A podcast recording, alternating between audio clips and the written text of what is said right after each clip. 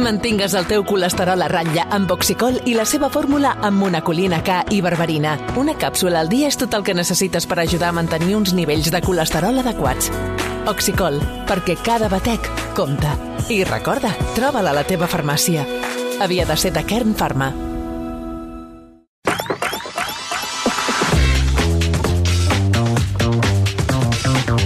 Passen 10 minuts de les 5 de la tarda. Um, atenció amb aquesta història. Us ha avançat rac l'equip científic que va morir de, uh, que va morir després de tractar uh, mostres d'una malaltia degenerativa, va demanar fins a 3 vegades permís al laboratori de la UB per estudiar el material i els ho van denegar perquè no era segur.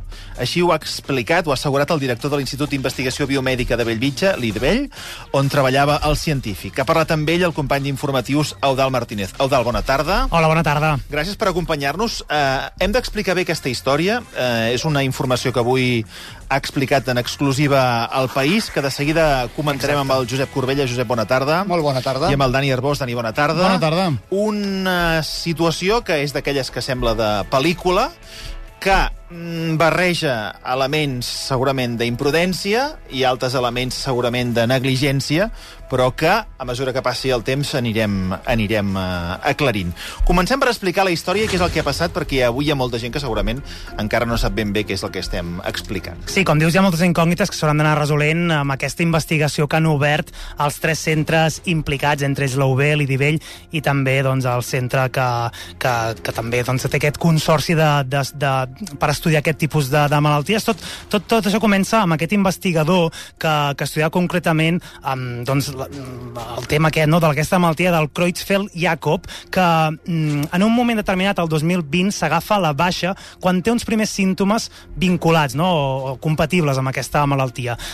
Pocs mesos després, la resta de l'equip d'aquest investigador es troba en un congelador de laboratori que ell gestionava milers de mostres eh, d'aquesta malaltia i que no havien estat autoritzades en cap moment per, uh, per l'IDIVELL, no? per, aquest, per aquest centre. Aquí tenim els dos primers enigmes, no? Uh, Marta Kela, bona tarda. Hola, bona tarda. És a dir, mm, com van arribar aquestes mostres, quina Exacte. autorització tenia i què és el que estaven investigant exactament, si es representa que la Universitat de Barcelona mm, creiem que no ho sabia, no? No, perquè aquest laboratori no estava prou ben preparat, no tenia les característiques que cal tenir per tractar bé no? doncs, a, aquestes mostres. Recordem eh, que el Creutzfeldt-Jakob és un trastorn cerebral que seria una mica l'equivalent en els, el que en els animals és a la malaltia de les vaques boges i de fet aquí a Catalunya també l'estat espanyol es va fer va, més coneguda aquesta malaltia derivada també d'aquella situació no, de les vaques boges ja que un dels efectes o el principal efecte que podia provocar en, en humans era doncs el desenvolupament d'aquesta malaltia. És a dir, tenim una investigació en un laboratori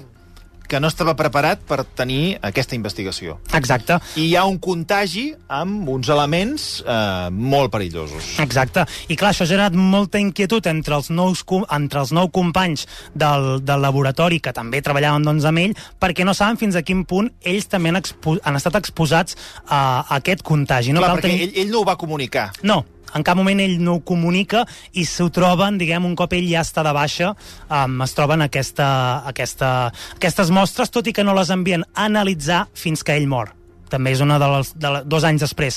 També és un, un dels altres dubtes que aquí hi ha de per què es va tardar tant a enviar a analitzar és aquestes a dir, mostres. Aquí, per anar desxifrant tot això, hi ha un mort, hi ha unes mostres, i aquí algú diu això s'hauria d'analitzar però es porten a analitzar dos anys després. És a dir, just després de la mort d'ell, que entre que agafa la baixa i es mor, doncs també passen aquests dos anys, exacte. Um, cal tenir en compte que això, que el diagnòstic d'aquesta malaltia és molt complex, no gens fàcil i ni molt menys ràpid. A més, pot tardar diversos anys a aparèixer les primeres causes. Per tant, per tot això que l'angoixa entre els científics és important perquè, un, és difícil de que els hi puguin diagnosticar i dos, no ho saben hores d'ara, en cas que poguessin haver-se contagiat, per tant, perquè evidentment no, no ho han pogut desenvolupar encara, potser. Pot haver-hi un grup de, de científics que treballaven estretament amb aquesta persona que ha mort, contagiats, mm. però que hores d'ara no tinguin cap símptoma d'aquesta malaltia. Exacte. És per això que el director de l'IDIVELL, com deies, el Gabriel Capellà, ha explicat a rac per què van arribar a denegar el permís per treballar aquestes mostres d'aquesta malaltia, per tot això que explicàvem. Tres vegades en el llarg de diferents anys. I algunes sol·licituds són antigues i altres més modernes. Amb tots, en tant a, a, amb dos investigadors se'ls va denegar aquest, aquest permís, per descomptat, perquè no es va considerar que les eh, instal·lacions complien el, el, amb els requeriments de, de, de bioseguretat. L'equip del científic mort ho va demanar i se'ls hi va denegar Exacte. fins a tres vegades. I fins, a, fins que en una última ocasió sí que se'ls autoritza a treballar amb aquest material, però se'ls deriva en un laboratori de, de seguretat a Bellaterra que deriva de l'IRTA Cressa, que és el Centre d'Investigació en Sanitat Animal, on allà sí que tenen les instal·lacions correctes per fer servir uh, o per tractar doncs, uh, aquest material. Um, és per això que no en tenen perquè aquest material seguia o, o va arribar en aquest laboratori de l'IDIVell quan en principi eh, l'acord per poder utilitzar aquest material era per fer-ho en aquest altre centre. Ho explica també el, el doctor Capellà. Això per nosaltres és una preocupació no elevada, sinó el següent. I tenim molts mecanismes posats per evitar que passin aquestes, que passin coses com les que han passat. Molts, eh? no, no, no, no uns pocs. No? Això també és part de la, de la investigació en curs, amb tots els mecanismes, amb tota la informació que disposen els nostres investigadors, amb la formació que tenen els nostres investigadors, no? pues esbrinar exactament què ha passat. Com dit, doncs, no s'acaben d'explicar com pot ser que un que arribessin aquells materials i sí, com sembla, evidentment, ho va entrar algú d'ells, que al veure, evidentment, no, no se sap si va ser el mateix afectat o algú altre, doncs, mm, doncs que el, fes, entressin aquest material sense cap autorització, tot i saber el risc que, que això comportava. Ja hem dit que, que hi ha molt nerviosisme en, entre els seus companys de laboratori. Sabem quants són els companys de laboratori? Sí, nou, eren deu amb ell. Nou companys que han estat Sí. treballant um, estretament i que no saben si estan contagiats d'aquesta malaltia que, que és, és mortal, no, Josep? Sí, Ara, ara, ara l'explicarem amb, amb calma. Però és mortal o no és mortal? sí és, És una mortal. malaltia eh, neurogena- neurogena- degenerativa mortal en el 100% dels casos. que cal tenir en compte que no es transmet via respiratòria, sinó que concretament en aquest cas a través de la sang, eh, si no m'equivoco, és a dir, eh, pel que explicava també el, el Gabriel Capellà, hi ha d'haver un cas en què hi hagi una ferida allà en aquell moment mentre estàs treballant on et pugui entrar aquest material eh, que sobretot és material de, del cervell, no? d'altres teixits eh, corporals doncs que, que puguin arribar a infectar-te, és a dir, que no, no és per via transmissió respiratòria ni, ni, això, ni tot això, però clar, eh, encara que aquesta gent, la majoria diu que no havia tractat amb aquest material, que ni, no sabia que estava allà, clar, pot ser que quedessin restes i aquí és el dubte i la mica el, el nerviosisme que hi ha. Tot i això tampoc està clar que ell s'arribés a contagiar amb aquest material que han trobat a Barcelona, perquè com hem, com hem dit, és una malaltia amb un procés molt llarg d'incubació i ell arriba a Barcelona el 2018, dos anys abans de, de que comencés els primers símptomes Exacte. i, i que agafés la baixa. Abans, entre el 2013 i el 2017, ell havia treballat en un centre similar a Alemanya. Per tant, una de les hipòtesis també és que aquest contagi hagués pogut produir-se a Alemanya, no a l'Institut aquest de, de Barcelona, i que, per tant, doncs, eh, tot plegat, diguem que, malgrat que s'ha desinfectat i que sí que s'han trobat mostres contagioses aquí a Barcelona, no arribessin a provocar-li a, a ell. També ens ho explicava el Gabriel Capellà. no hi han reportats casos d'accident d'aquesta malaltia sense que s'hagi reportat una ferida. Uh, aleshores, clar, nosaltres no tenim cap constància d'això. Aleshores, davant, davant d'aquesta història és molt important la informació que ens pugui proveir el centre alemany Com dient, doncs, aquesta investigació continua oberta. Fa tres mesos que es va obrir un cop es van tenir també els resultats d'aquest laboratori que van confirmar que part d'aquestes mostres doncs, sí que, que són contagioses. Una investigació que, com dèiem, entre la Universitat de Barcelona, el mateix IDIVell i també el Consorci Ciber, que depèn de l'Institut de Salut Carlos III i també del Ministeri de Ciència i Innovació. Um, és una investigació que ens han comentat, evidentment, és d'aquestes coses que costa fer projeccions, però que podria tenir les conclusions a principis d'any del 2024, per tant, d'aquí 3-4 mesos. Molt bé. Eudal, moltíssimes gràcies. A vosaltres. A veure, a veure. Eh, Comencem per les coses que hem d'entendre d'aquesta història. Um, què és aquesta malaltia? I com es transmet, Josep? És una malaltia neurodegenerativa, molt infreqüent, que tant pot ser esporàdica, que et passi sense tenir eh, per simple mala sort, com eh, pot ser adquirida per via de contagi, que són la minoria dels casos. En total, fixa't si és poc freqüent, es considera que n'hi ha un cas per milió d'habitants a l'any. Vol dir que a Catalunya n'hi ha uns 7 o 8 casos a l'any. eh, molt infreqüent. La, és com una malaltia d'Alzheimer d'evolució ultra ràpida.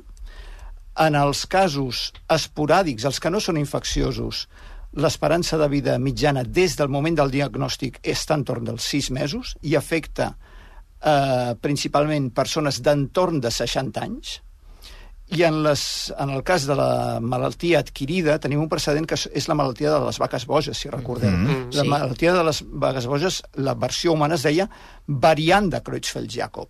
I en aquell cas es va veure que el temps d'incubació estava entorn dels 10 anys de mitjana, entre el moment que la persona podia haver consumit la carn i el moment que desenvolupava la, la malaltia. Perquè havies de menjar carn crua. No, el que s'havia de menjar era... Miri, ara li explico com es, eh, quina és la causa d'aquesta malaltia.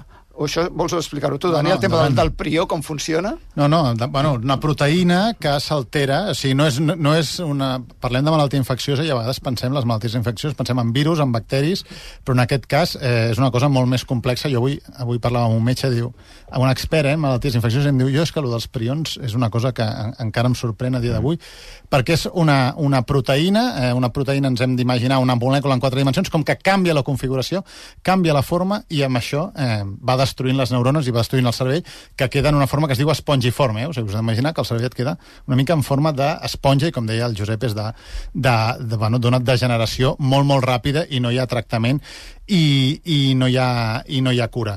I llavors, bueno, del cas aquest, clar, hi ha moltes més incògnites que respostes, moltes més preguntes que respostes. Hi han, per mi, dues coses separades. D'una banda, com es va infectar... Comencem eh, des del principi. Com es va infectar Sí. aquesta persona? No ho sabem. No Sí, sabem si... com, com entren aquestes mostres en un laboratori que se Això- suposa que no hi haurien d'entrar, no? Aquesta és una de les preguntes que tenim de les mostres del laboratori. D'una banda, eh, segons diu el, el, el país, són milers de mostres. Estem parlant, com bé deia el Josep, d'una malaltia eh, molt poc freqüent. Aconseguir mostres no és senzill, de qualsevol malaltia. Hi ha tots uns processos, uns protocols, uns sistemes. Per això molts centres de recerca estan al costat dels hospitals, perquè és la manera, eh, podríem dir, menys difícil d'aconseguir mostres. Eh? Els hospitals es fan molta investigació, en part també per això, perquè és on hi ha, on hi ha els malalts i es poden agafar mostres. Però és molt complicat. Per tant, aquestes mostres eh, són mm, molt difícils de juntar, si són tantes, no? I, per tant, d'on venen? Aquest senyor aquí no les va recollir, perquè en dos anys és impossible que muntés el circuit i el protocol per recollir aquestes mostres. Les va portar ell d'un altre centre, aquest altre centre li va deixar portar, perquè són mostres molt valuoses, i en general, a dia d'avui ha canviat molt això, i les mostres no són de l'investigador, són del centre. Però jo del puc centre. entrar en un laboratori amb una maleteta amb les meves En mostres? principi, o com no. va això? No. En principi tu has de demanar O algú permís. m'ho revisa, això? Sí, tu has de demanar permís, hi ha un, uns comitès de bioseguretat, hi ha uns responsables de bioseguretat, tu has de dir que vols portar això, has de dir quantes mostres, de qui, com, tot ha de tenir un procés, i et poden dir que no. Poden dir, escolti, Sí, no... Però tu pots saltar. Exacte. És a dir, Bueno, tu pots- a veure, tu pots Deixa'm saltar. aclarir una cosa. Uh, mira, a La Vanguardia avui hem estat treballant dues persones amb això, la Carina Ferreres, que és la companya que es dedica més a món universitari, i sí. jo hem parlat amb diferents persones de la Universitat de Barcelona i de l'Idivell.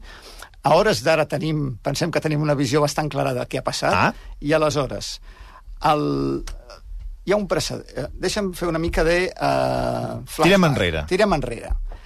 El Lidivell té un comitè de bioseguretat mm -hmm. que és, eh, té les competències d'avaluar eh, si el, el, les activitats que es fan allà i els projectes de recerca i les instal·lacions, quines reunions, eh, condicions de seguretat reuneixen i si permeten fer les investigacions que es proposen de fer. Aleshores, hi ha una manera d'actuar que és que els investigadors, quan volen fer un projecte de recerca, demanen eh, al comitè de bioseguretat els avalua. Um, el, en aquest cas, a l'Idivell s'han denegat autoritzacions per fer tres projectes de recerca abans que arribés aquest investigador relacionats amb eh, malalties priòniques. Um, això no vol dir que quan arriba una mostra s'hagi de demanar permís. O sigui, el, el Comitè de, Bio, de Bioseguretat avalua el projecte quan se li, demana, se li proposa el projecte, però si arriba una mostra Clar. per una via um, no, no esperada i no queda registrat, en això el Comitè de Bioseguretat no hi entra perquè no se li ha Clar, demanat. avalua el projecte, però no cada proveta que va entrant, Aleshores, per dir-ho a així. partir d'aquí, a partir o sigui, d'aquestes es van tres... denegar, hi ha un detall aquí que has dit, es van denegar Tres- es fessin aquestes investigacions abans que arribés abans que arribés ell. Perquè aquest investigador. Sí, perquè la línia de recerca de prions i de Creutzfeldt-Jakob no, no neix a l'any 2018 quan arriba ell. És una línia de recerca que es fa a diferents llocs del món per entendre millor aquesta malaltia i aprendre com tractar-la, com diagnosticar-la, i això ve d'abans. I, a- I a Bellvitge hi havia un grup de eh, neuropatologia dirigit pel doctor Ferrer, Isidre Ferrer, que s'ha jubilat fa poc, um, i que precisament aquest investigador que ha mort havia de ser el nou cap del, del grup de recerca, però, aquesta, però aquest grup de Bellvitge ja feia anys que estava investigant temes de neuropatologia relacionats amb això. Aleshores, en el moment, després que es deneguessin aquests tres permisos per tres projectes, Sí. um, l'Idivell diu per, eh, decideixen per fer aquest tipus de recerca necessitem unes instal·lacions d'alta seguretat. On hi ha instal·lacions d'alta seguretat a Catalunya? Al campus de la Universitat Autònoma, al Centre de Recerca en Salut Animal, al CRESA. Mm. Aleshores, um, es signa un, un conveni entre l'Idivell i el CRESA perquè, uh, perquè aquest tipus de recerca es pugui fer allà. Això és l'any 2018, que és el mateix any que aquest investigador arriba a l'Idivell. Mm -hmm. Aleshores, eh, aparentment aquí el que ha passat és que hi ha aquestes mostres que, com deia el Dani, no se sap d'on venen. Aquest és una de les coses que s'han d'aclarir i hi ha una, una, una investigació en curs eh, com, que és la que ha citat abans l'Eudal, que es, es tindran resultats a, cap al mes de gener, eh, per aclarir aquestes mostres d'on venen, quan van arribar a l'Idivell i per aclarir una miqueta més. No sabem d'on venen, però sabem on van a parar. Sí. A- Ara estan custodiades al CRESA Vale. i eh, segurament seran útils per fer recerques en el futur eh, amb un laboratori amb la seguretat adequada. Però es pot esbrinar d'on venien? Entenc que si la investigació es fa ben feta, ho sabrem. d'esbrinar perquè com no a és tan mínim fàcil, ho perquè sabrem molt tenir millor mostres. que, el- que el que S'haurà de saber d'on venien. I després hi ha un tema que... Però, Però- però- disculpa, un moment, jo un també moment. tinc preguntes. Sí, no, per anar, per anar avançant mica en mica. És a dir, uh, d'acord, no s'aprova el projecte, dir, exacte, es tomba el projecte i dius, home, clar, va, va, per dir-ho així, eh, proveta, proveta, no ho poden controlar. Però llavors, podria ser que aquest investigador ho anés dipositant en, el, en el, aquest laboratori de la Universitat de Barcelona a l'espera de que es pogués traslladar tot aquest material als laboratoris que acabeu de mencionar que estan mm, controlats, no? Mira, si no prejutgem res, a hores d'ara no sabem si aquestes mostres les va portar aquest investigador quan va arribar o si estaven aquí des d'abans. Estaven aquí en un lloc on no podien estar, perquè aquest Aleshores, laboratori no té la això- seguretat per tenir aquestes Però és mostres. que hi ha això coses no, diferents. No vull aixecar una sospita, vull dir, no prejutgem res. Clar. No, no ho sabem. Clar, no se sap. Segurament, d'aquí tres mesos, resultarà bueno, que, que, Bueno, però que un moment, millor. però sí que sabem on eren aquestes mostres, perquè aquest senyor treballava amb uns companys que... Sí, l'únic que aquí també hi ha un tema. Treballava Tu en el pots- laboratori del- Tu pots de la- emmagatzemar de la les mostres. Universitat de Barcelona. És com si tu emmagatzemes, que potser no ho, no ho has de fer, però emmagatzemes dinamita. Sí. O, eh? o, Sí, sí. Efectivament o no s'ha de matar- fer, però o sí. matar rates Sí. o salfumant. Una cosa és que tu ho tinguis allà, en un calaix, Sí. i una altra cosa és que ho manipulis, Mhm. que el risc és molt més alt. Vull dir, no ho has de tenir... O sigui, les mostres mm, Però sabem no si, però la resta de l'equip ho manipulava o no ho sabem? No ho sabem, i no ho saben ni ells. D'aquí ve el... Perquè això estan inquiets, perquè no saben si han estat manipulant mostres del risc amb unes condicions que no els hi I garantien com pot ser que no ho sàpiguen? Com no poden saber Com no si, poden si ho ha com no poden saber-ho? Clar. Hi havia una etiqueta? Exacte. La pregunta és aquesta, eh? Així de bàsica. No hi havia una etiqueta. És així? No, però també pot ser que ells, en principi, utilitzessin unes mostres d'una altra cosa que s'haguessin contaminat, eh, Sí. o material, o, per exemple, una cosa que passa... O sigui, un dels primers casos que va haver-hi de contagi, que deia el, el, el Josep abans que uns casos són de contagi, era de, imagina't, tu feies, no? Feien l'autòpsia a una persona que, llavors, amb l'autòpsia és quan veuen que té eh, Creutzfeldt-Jakob. Si no es desinfecta es, vull dir, molt, molt bé aquell material, imagina't que queda una mica d'aquests prions i si algú es fa una ferida es contagia i agafa la malaltia. I, de fet, abans de conèixer molt bé la malaltia, els casos que més s'havien donat d'aquesta malaltia era doncs, professional mèdic que s'havia contagiat després d'una autòpsia d'una persona que havien comprovat que tenia la malaltia i no s'havia eh, desinfectat bé. Tot això s'ha depurat molt i ara, doncs, eh, mm, podríem dir que pràcticament no passa. Però en aquest cas, bueno, sí, alguna cosa ha passat. Perquè- També la persona s'ha contagiat en algun moment. Això El- sembla que sí que ho sabem. El protocol de desinfecció del material està pensat sobretot pels patògens habituals, per, eh, per microbis, per virus. No està pensat per prions. I en realitat és possible infectar-se, teòricament possible, eh, molt improbable, però teòricament impossible, infectar-se amb el material utilitzat per manipular una mostra que té prions, si després, tot i desinfectar-se, com que la desinfecció normalment no destrueix els prions, infectar-se després. Um, seguim. Si voleu, al final, faig un resum cronològic perquè... Eh, Per acabar-ho entendre- Jo, jo crec que ne- ho anem seguint, eh? Sí. Ho anem seguint. Jo jo voldria parlar d'aquestes mostres que estaven eh, en, un, en un congelador a 80 graus sota zero, en un congelador.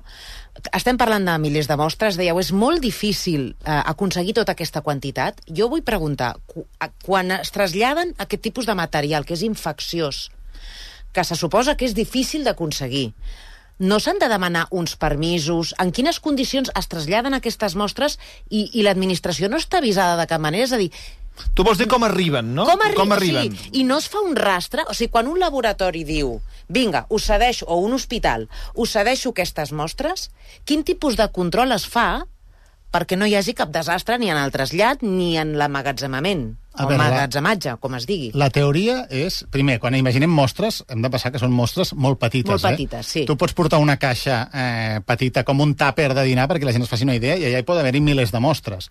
En uns congeladors d'aquests de menys 80 graus, potser que hi ha 50.000 mostres. Per tant, ha d'estar tot també eh, supertraçat per saber on trobar la teva. O sigui, ja només per un tema pràctic, ja no de seguretat. D'escolti, en una, no, ens imaginem el, ja no el congelador de casa, és com una nevera el doble de gran que la que podem tenir a casa, que és tot congelador, on hi ha 50.000 mostres. Tu has de poder trobar la que busques. Per tant, ha d'estar tot molt ben rastretat. Penseu que en un centre de recerca com pot ser, no sé, en el cas de, de l'Idivell, però pot haver-hi mm, 200 o més de 200, eh? per exemple, al clínic hi ha més de 200 congeladors, 250, amb aquestes mostres. Si comptes 50.000 mostres per congelador, surten 10 milions de mostres. Per tant, ha d'estar tot molt traçat.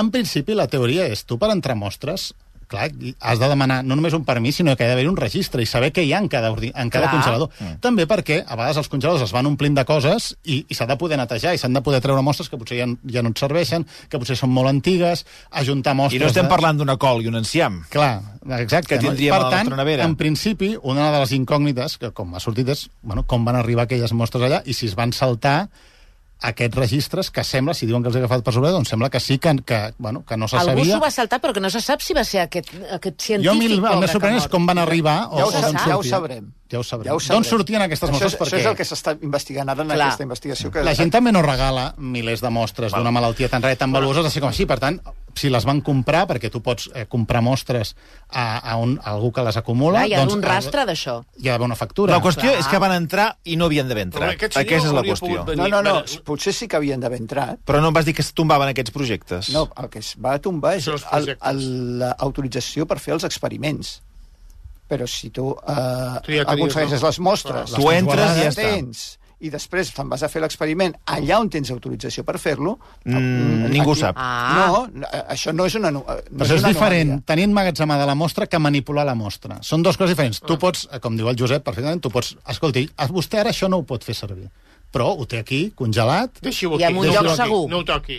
Això és la, una, una de les opcions. És, I quan tingui el laboratori, eh, o quan hi hagi aquest acord... Que aquesta adequat, és una de les teories que avui s'explicava, que estaven, diguem-ne, mostres en descans. Preparades. A l'espera de que tinguessin autorització amb els dos altres Perquè laboratoris aquest senyor les que ja hem podia portar explicat. amb, una malaltia des de- des d'Alemanya. Com, com es transporta cotxe. això, perquè ens ho fem una idea? Clar, en aquest cas, si han d'estar congelades, doncs a, a, a menys 80 graus o menys 70 Vull dir que això és una, graus. és una maleta, és un camió? Eh, Com no, arriba això? això depèn del, del volum, però pot ser una, Són com una mostres? nevereta, pot ser com, un de, Una nevera, una nevera Mil portàtil. mostres és una nevereta? com una nevereta de càmping, o menys. Doncs Però una això- nevera molt potent, clar. Sí, clar, ja, però no deixa de ser una nevera. Sí, sí. Vull dir que no entres No tu amb un traje verinosa. o es traslladen amb gel sec, vull dir, és perquè ens fem una idea, eh? Val. Vull dir que es, es, potser, la, la, potser van en una caixa més gran, però pot ser com un paquet una mica més gran dels que ens pot arribar a casa d'Amazon. Vàries qüestions més a, a que- comentar. Perdona, és Sí. el mateix que quan s'enviaven les vacunes d'herna missatger a la Covid a Moçambic o a Bangladesh, les vacunes que es feien a Bèlgica i que havien d'estar a aquestes temperatures Sí. de menys 70, menys 80 Sí. per allà,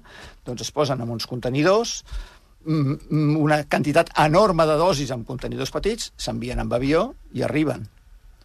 Digues, digues, Marc. No, t'anava a preguntar, t'anava a preguntar per, per una cosa que em, que em preocupa ara, que és evident, eh, són els treballadors, els companys, l'equip, no?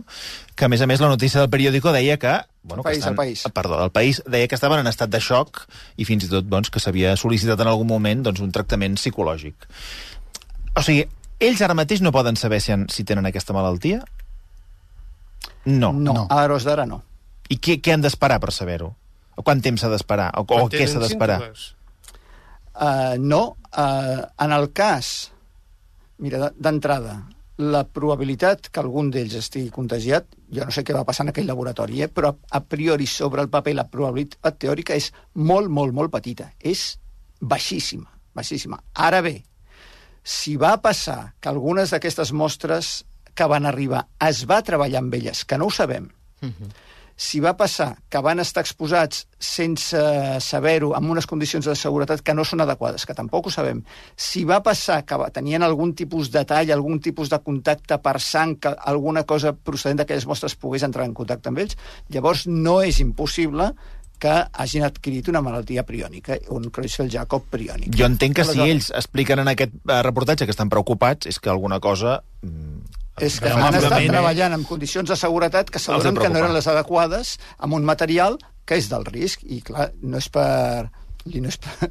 No és per prendre-s'ho a broma, No, efectivament, Exacte. efectivament. Ara, efectivament. eh, el diagnòstic eh, no és fàcil, eh, no se sol fer abans que apareguin símptomes, i requereix, eh, es sol fer mo mostra de líquid cefalorraquidi en funció dels símptomes i no és, no és factible, no està establert el diagnòstic amb anys d'antelació abans que es manifesti la malaltia.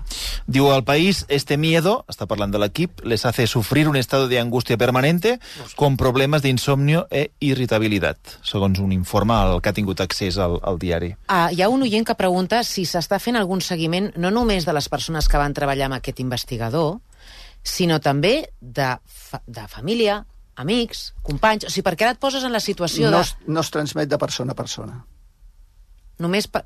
O sigui, jo manipulant les mostres amb una ferida. Si jo tinc ara, uh, tingués ara Creutzfeldt-Jakob i m'ho diagnostiquen d'aquí dos mesos, Sí. i em moro d'aquí sis, cap de vosaltres té per què estar tindrà per què estar preocupat. No us ho puc passar ni per via respiratòria, ni per contacte amb, uh, amb la pell. Físic. Home, si ens fem una, un Una tall ferida. i compartim la nostra Clar, és sang, molt difícil, això.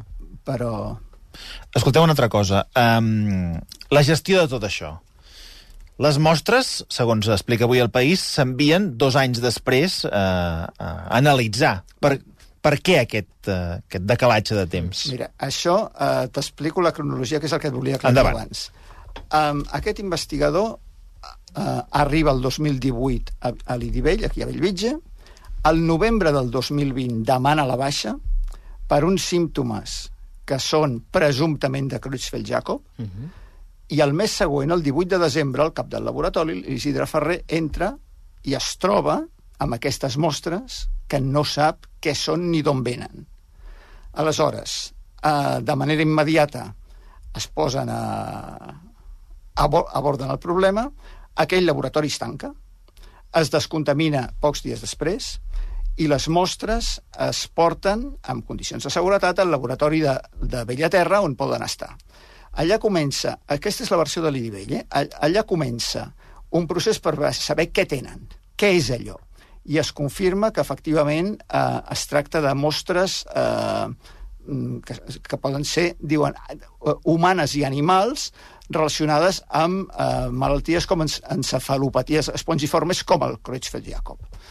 A partir d'allà, hi ha tres, im- eh, tres institucions implicades. L'IDIVELL, la Universitat de Barcelona, que és la, la propietària del laboratori on es feien, i Del laboratori no estaven emmagatzemades Sí. en aquests 80 graus sota zero. Sí, sí, aquell laboratori és de la UB, però eh, i l'IDIVELL, que és un institut de recerca que en part està eh, participat per la UB, és qui, qui l'ocupa. I després hi ha una institució de Madrid, que és el, el CIBER, eh, de l'Institut Carlos III, que és qui li havia fet el contracte en aquest investigador. Aquest investigador no era contractat per l'IDIVELL, era contractat per, pel govern espanyol. Llavors, hi ha totes aquestes institucions amb persones diferents que comencen a parlar de què han de fer. Mentre al CRESA s'estan fent els anàlisis de què és això. Això porta un temps, gaire pressa no s'han donat, és cert, i arriba un moment quan tenen el resultat de, que saben que realment és, es tracta d'aquest tipus de material, que no saben encara si tenen prions, l'envien a un laboratori del País Basc, que això va ser, aviam si recordo bé, crec que a començaments d'aquest any, ara no recordo la data, o final de l'any passat, o sigui, un, temps, un cop tenen els resultats l'envien al laboratori del País Basc, que és el que pot determinar si allà realment hi ha prions o no hi ha prions, que és, el material potencialment infecciós. Aleshores, és, que és, són aquests dos anys que deies, dos anys més tard s'envia a veure si hi ha prions. I el Laboratori del País Basc els contesta eh, que sí que n'hi ha això aquesta passada primavera. I llavors és quan al mes de juliol s'engega la investigació de la UB, bueno, engegada per la UB, però que hi participen tots per veure'n l'origen. Hi ha una altra cosa que em crida molt l'atenció de l'article del País, que diu el director l'Idivell va enviar un missatge a tot el personal del centre el dia 11 d'aquest mes, som a 19, cinc dies després de que el diari El País li comuniqués que s'estava investigant el cas. Gabriel Capellà va informar llavors als seus treballadors d'un incident molt greu que es va conèixer al campus per primera vegada a finals de 2020. Eh, per què s'informa tan tard? Això no sé com ha anat. Bé, jo crec que s'informa tard, a- vull dir que els, els més afectats sí que ho sabien, però clar, l'IBI està en diversos campus, en diversos, eh, investiguen coses molt diferents, i llavors jo entenc que en una institució tan gran... mm, Bueno, no, T'ho dic perquè estem parlant, ells mateixos diuen d'un cas d'extrema gravetat, doncs Però- s'informa... Sí, però van- Però voleu dir que les persones que treballaven en aquest laboratori Ja ho concret sabien. ho sabien? Des del primer dia. Ho sabien des, de, sabien. des que es va Des del tancar ja... gener del 2021, immediatament després, se'ls va oferir eh, eh, ajuda psicològica si els feia falta i assessorament i l'atenció mèdica que poguessin necessitar. Per tant, aquí està parlant de la resta de treballadors. de la resta de treballadors que molts Que estan en un gran. campus i que estan en diversos edificis, alguns estan a, a, l'altra banda de l'autovia de Castelldefels, eh, perquè la gent es faci una idea. Llavors suposo que van dir, home, doncs no cal... Eh, No cal amagar-ho, no? No cal, el primer van dir no cal Bueno, alertar tothom. Perdoneu, la pregunta... Aquest Vinga. senyor científic, eh, abans de morir, de morir, quan ja se li va detectar la malaltia i tot plegat, no se li van fer preguntes sobre com és que ho podia haver agafat, que, en què treballava, etc etc. No perquè ell va demanar la baixa, va demanar privacitat i Però és un tema de salut pública. Totalment. O sigui, Sí, però no... no- és un cas particular d'una cosa que t'afecti tu Ah, i a i ningú re- més, sinó que... I el seu pot- sou era, era públic. Pot haver afectat a més persones. És a dir, que jo aquí Vaja, no- no ho acabo d'entendre, això. No, la, la, Que no se li fes una- la privacitat en temes mèdics... No, però, la, pri- però mantens la no és privacitat, negociable. però parles amb ell No, per no. saber què ha, què ha pogut passar. clar, Una qüestió de salut passar? que afecta a més gent, clar. Clar, D'on són les mostres que, que, que, que manipulava? Uh, no ho sé. Jo suposo que les persones més properes amb ell devien parlar-hi. No ho sé. A nivell institucional, uh, l'Idivell no s'hi va adreçar. Aquí hi ha coses que no sabem, que potser el Josep sí que sap. Eh, quan creus que se sabran més coses? És a dir, l'estat actual és una investigació en curs? Sí? De la qual tindrem resultats, segons diu el doctor Capellà, el director de l'Idivell, al gener del 2024, mm. espera ell. A partir d'allà es decidirà si s'han de canviar els protocols o no, perquè aquí poden passar dues coses, que els protocols fossin incorrectes o bé que el protocol fos correcte I algú hagi estat. Que algú se l'ha saltat. Um, I a partir d'allà veurem. Doncs... Per cert, eh, que ens, sí. ens però- envia un mail a un oient que és Francesc Gómez Martínez, que ens diu que quan es transporten substàncies biològiques infeccioses, diu, no es porten en una nevera. O sigui, han de portar un embalatge homologat amb una fabricació molt especial. A més a més de la nevera sí, per a més a mantenir més de la temperatura. nevera. És a dir, que les condicions de, per transportar aquest tipus de mostres... Eh, Això, això és formalment. Vés a saber aquest senyor si, si les va traginar ell. Aquest senyor no se sap si ho va fer, eh, senyor Marcelí. Ja, però- Com hem si- dit, igual ja estaven a la nevera quan ell es va incorporar. Potser Tot això sí, s'està investigant. potser sí o potser o potser no. no. no, se sap. Potser- Ell potser els investigava... el cotxe eh, a lo ell, loco. ell a Alemanya eh, feia aquesta mateixa investigació o no ho sabem? Sí, la mateixa la línia de mateixa, recerca, malaltia de Creutzfeldt-Jacob, que es va portar. pel que ens han explicat era un investigador eh, amb un gran futur, molt prometedor, amb Això- molta empenta, això molt diu- proactiu. Això diuen, sí, sí. Doncs aquesta és l'anàlisi del, d'una de les notícies sorprenents del dia, de la qual us asseguro que mm. a través del Josep i altres periodistes que hi estan posant el nas, avui l'Àfrica Pallero també s'hi ha passat una bona estona, en tindrem més detalls en els propers dies. Ho deixarem aquí, eh, teníem molts altres temes per tractar, com per exemple per què les monedes, sempre que les llences, tenen tendència a pa- a aparèixer de la mateixa cara, que és un tema que m'interessa moltíssim, Molt, molt. però l'explicarem un altre, un altre Escolta, dia. deixa'm eh, recordar només, per acabar, no hi ha cap perill per la població general eh, i el perill, el risc per als treballadors de l'Idivell és insignificant. Queda dit. Josep Dani, moltíssimes gràcies. Gràcies a vosaltres. Fins la setmana que ve. Versió RAC 1.